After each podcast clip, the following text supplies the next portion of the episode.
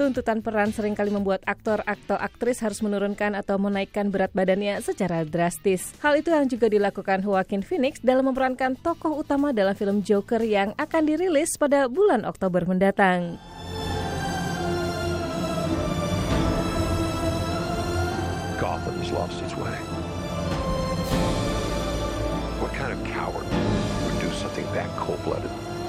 Someone who hides behind a mask.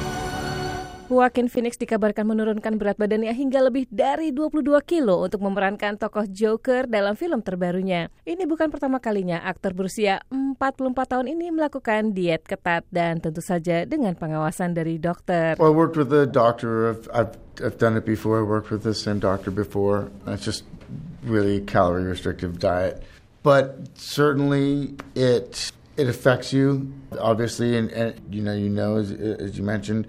But strangely enough, at a certain point, like once you reach the target the target weight, everything changes. Like it's so much of, of what's difficult is, is waking up every day and being obsessed over like 0.3 pounds. Film Joker kali ini mengungkapkan kisah komedian Arthur Fleck yang menjadi Joker.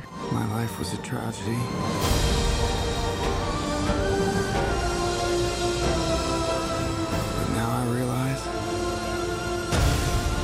It's a comedy.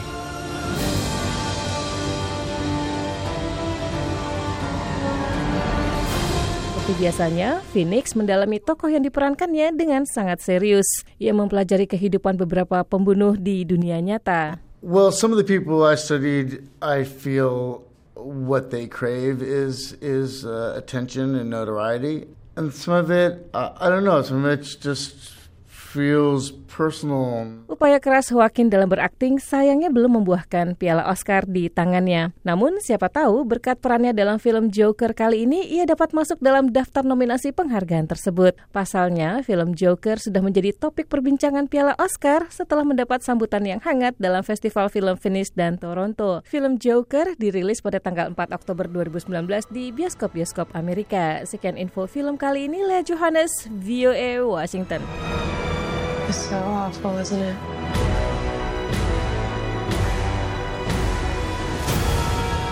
For my whole life, I didn't know if I even really existed. But I do.